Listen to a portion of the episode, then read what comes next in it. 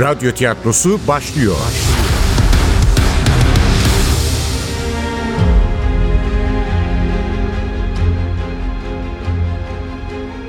Sergey Nikolaevich Cherkovski'ye ne oldu?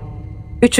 Bölüm Eser Ahmet Ümit Seslendirenler Başkomiser Nevzat Nuri Gökaşan Ali Umut Tabak Sibel Işık Yönt Turhan Kantaroncu Can Başar Piyale Kaan Songül Teferruat Tevfik Selçuk Kıpçak Efektör Cengiz Saral Ses Teknisini Berfin Saltanat Çubuk Yönetmen Aziz Acar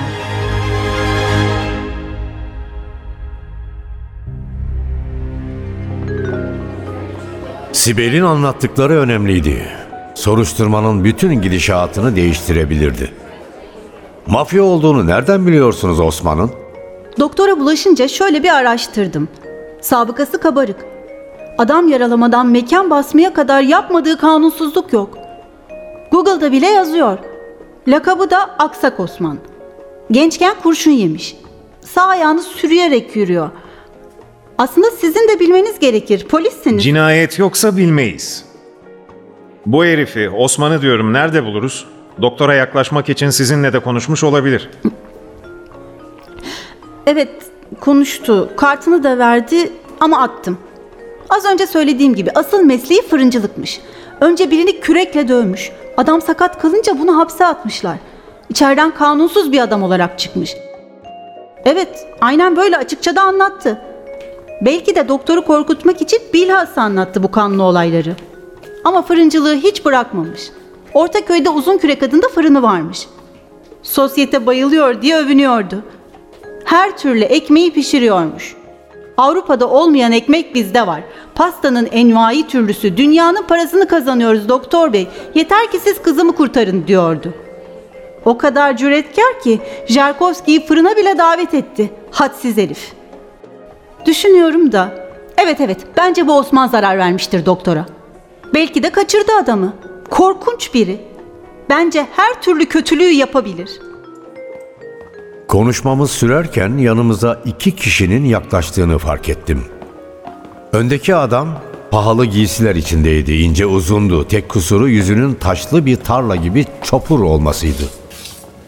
Hemen arkasında onu izleyen çam yarması ise koruması olmalıydı. Lacivert spor bir ceketle kot bir pantolon giymişti. Patron olduğunu düşündüğüm adam bizimle hiç ilgilenmeden nezaketi filan da boş verip doğrudan çevirmene yöneldi. Ne oldu Sibel Hanım bir haber var mı? Hayır. Doktor Jarkovski'den hala haber alamadık. Yani başkomiserim. Yani başkomiserim bu Osman denen adamı gözaltına almalısınız bence. Evini fırınını falan aramalısınız. Belki de doktor oralarda bir yerlerde tutuyordur. Ortalığı laf kalabalığına boğan Sibel'e cevap vermek yerine şık giysili adama döndüm. Siz kimsiniz? Neden merak ediyorsunuz Doktor Jerkovski'yi? Çopur suratlı adamın mavi gözlerindeki endişe belli belirsiz paniğe dönüştü. Çevirmenin vermek istediği mesajı aldığı belli oluyordu. Ben Turhan. Ben Turhan Kantoroncu. Bu da kartım. Apote şirketinde çalışıyorum. Sağlık işindeyiz. Büyük bir firma bizimkisi. Yabancı ortaklarımız var. Doktor Jerkovski ile de iş konuşuyorduk. Doktora ulaşamayınca endişelendik tabii. Ne tür bir iş konuşuyordunuz Jerkovski ile? Doktor Jerkovski ile ne konuşulur ki? Tabii ki kanser. Kanser hastalığına karşı nasıl bir işbirliği yapabiliriz? Bunun fırsatları ne olabilir? İşte böyle meseleleri tartışıyorduk. Ne dikiliyorsun öyle tepemde? Git ileride dur. Öteki adama Ali dikleniyordu. Adam istifini bozmadı şöyle bir süzdü bizimkini. Turan Bey'le birlikteyim. Görevimi yapıyorum. Git Turhan Bey'in tepesinde dur o zaman. Manasız bir tartışmaya girmenin ne yeri ne de sırasıydı. Yardımcıma bir uyarı bakışı attıktan sonra Turhan'a döndüm. Ha, buyurun sizler de oturun biraz konuşalım. Ben böyle iyiyim. Bizim dövüş horozu heriften kıl kaptı ya. Koltuğunu iterek kalkmaya hazırlanıyordu ki Turhan müdahale etti. Ne deniyorsa onu yap Piyale. Hadi uzatma. Oturmayacaksan da git dışarıda bekle. Burada bana yönelik bir tehdit yok. Piyale ha? Bir şu kalıba bak bir de isme. Piyale. Nasıl isim vermiş baban sana? Genç irisinin yarı çekik gözlerinden öfke yalımları geçti ama iyi terbiye edilmiş olduğundan bizim hergelerin kışkırtmalarına kapılmadı.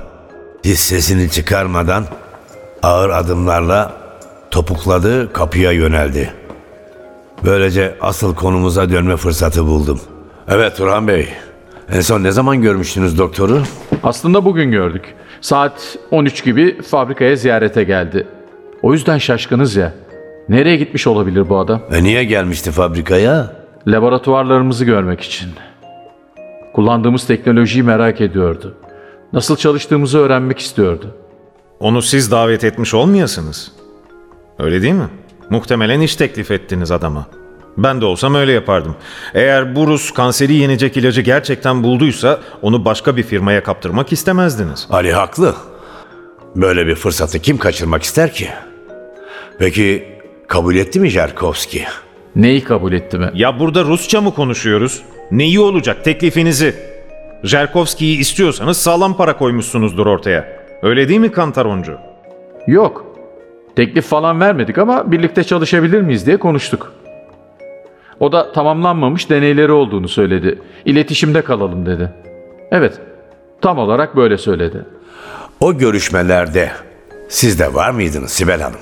Yok, ben yoktum Nevzat Bey. Niye olayım ki? Ve çevirmeni değil misiniz? Doktor Jerkovski gayet güzel Türkçe konuşuyordu. Sibel Hanım'a ihtiyaç duymadık. Peki sonra ne oldu?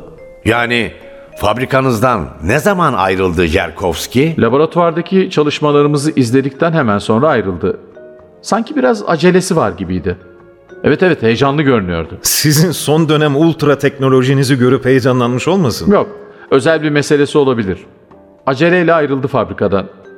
Hatta istediği yere gitmesi için ona bir araç tahsis ettik. Ee, nereye gitmiş peki? Doktor kaybolunca, daha doğrusu Sibel Hanım Jarkovski'den haber alamıyorum diye sizi arayınca onu götüren aracın şoförüne sordunuz herhalde. Ben de onu söyleyecektim.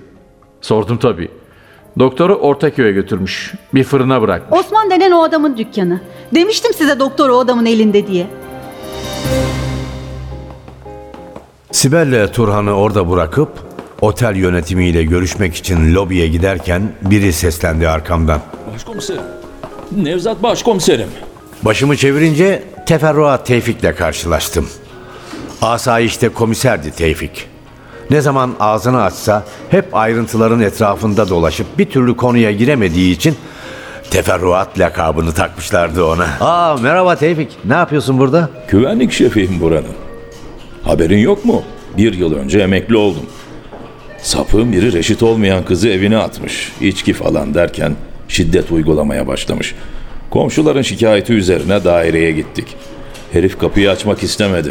Neyse zorla girdik. Zavallı kız yatakta kanlar içinde. Herif de hala dikleniyor. Yaradana sığınıp okkalı birkaç tokat attım. Meğerse bilmem kimin akrabasıymış. Derhal hakkımızda soruşturma açıldı.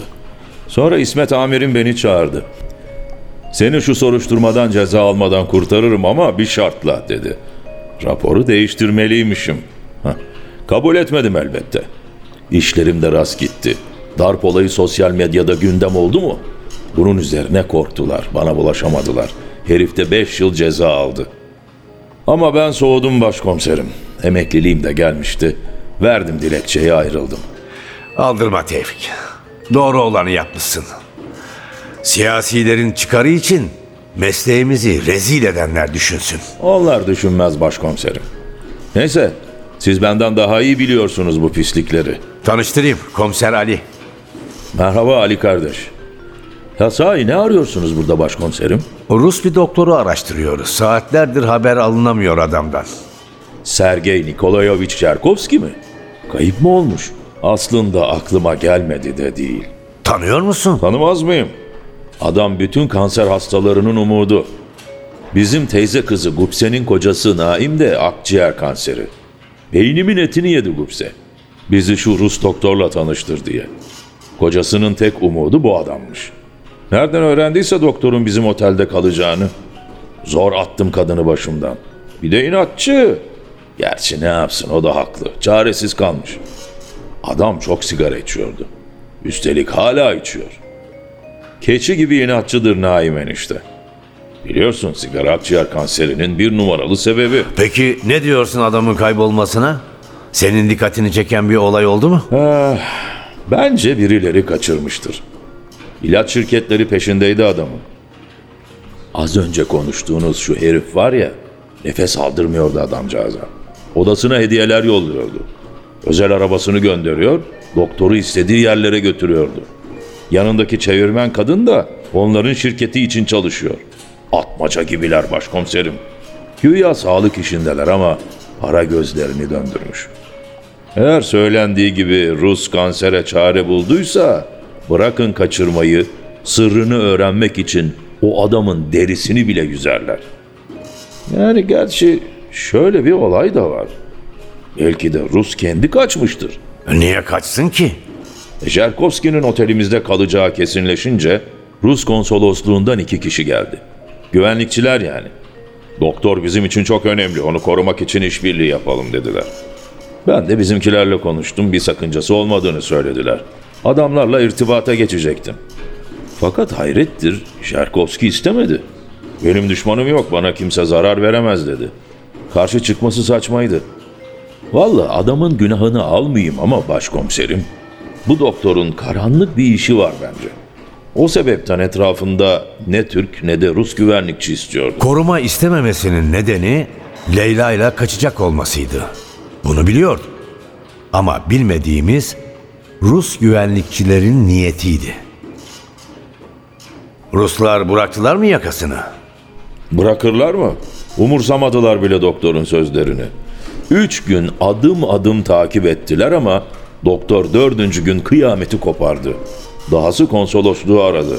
Galiba Rusya'dan birileriyle de görüştü. Dün itibariyle birdenbire çekildi Rus güvenlikçiler. Keşke çekilmeselermiş. Yazık olmuş. Keşke bir gün daha sıksalarmış dişlerini. Böyle olacağını bilselerdi bırakırlar mıydı? Herhalde Rus'un odasına bakmak istersiniz. Niye konuştuğumuzu zannediyorsun seninle? Ha? Şaka bu yana. Çok iyi olur Tevfik. Belki işe yarar bir ipucu buluruz oğlum. Tevfik resepsiyondan anahtarı aldıktan sonra çıktık Jerkovski'nin odasına. En büyük suitlerden biriydi. Doktoru davet eden şirket hiçbir fedakarlıktan kaçınmamıştı anlaşılan. Manzara müthişti. Adalara kadar bütün İstanbul ayağınızın altındaydı. İçeri girince ilk gözüme çarpan odanın toplanmış olmasıydı. Ne kadar tertipli adammış. Bakın valizlerini de hazırlamış. Giysiler de öyle. Hepsi kılıflarına konulup asılmış. Banyoya göz attım. Ne tıraş makinesi ne diş fırçası. Evet Yerkovski otele gelir gelmez eşyalarını alıp ayrılmayı planlıyormuş. Maalesef valizlerin içine bakamayacağız. İkisi de şifreli. Savcılık emri gerekecek. Çöp kutusu da bomboş. Ne var ne yoksa temizlikçi hepsini atmış. Ne yazık ki Jerkovski'nin odasında hiçbir ipucu elde edememiştik. Yeniden lobiye indiğimizde takım elbiseli üç kişinin resepsiyondaki kızla sertçe tartıştığını gördük. Anında tanıdığı adamları Tevfik. Ruslar gelmiş. Nereden duydular ki Jerkovski'nin kaybolduğunu? Ne dersin Nevzat Başkomiserim? Konuşmak ister misin onlarla? Rusların beni tanıması hiç akıllıca olmazdı. Eğer doktorun başına bir iş geldiyse diplomatik engeller konulmadan öğrenebileceğim ne varsa öğrenmeliydim.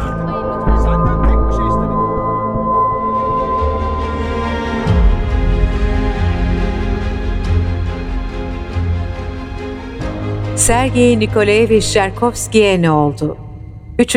Bölüm Eser Ahmet Ümit Seslendirenler Başkomiser Nevzat Nuri Gökaşan Ali Umut Tabak Sibel Işık Yönt Turhan Kantaroncu Can Başar Piyale Kaan Songül Teferruat Tevfik Selçuk Kıpçak Efektör Cengiz Saral Ses Teknisini Berfin Saltanat Çubuk Yönetmen Aziz Acar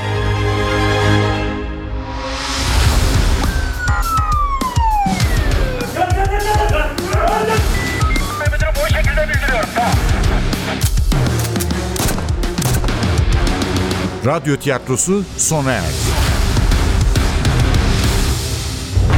Radyo tiyatrosu her cumartesi 11.30'da NTV Radyo'da. Kaçıranlar ve tekrar dinlemek isteyenler içinse ntvradio.com.tr'deki podcast sayfamızda.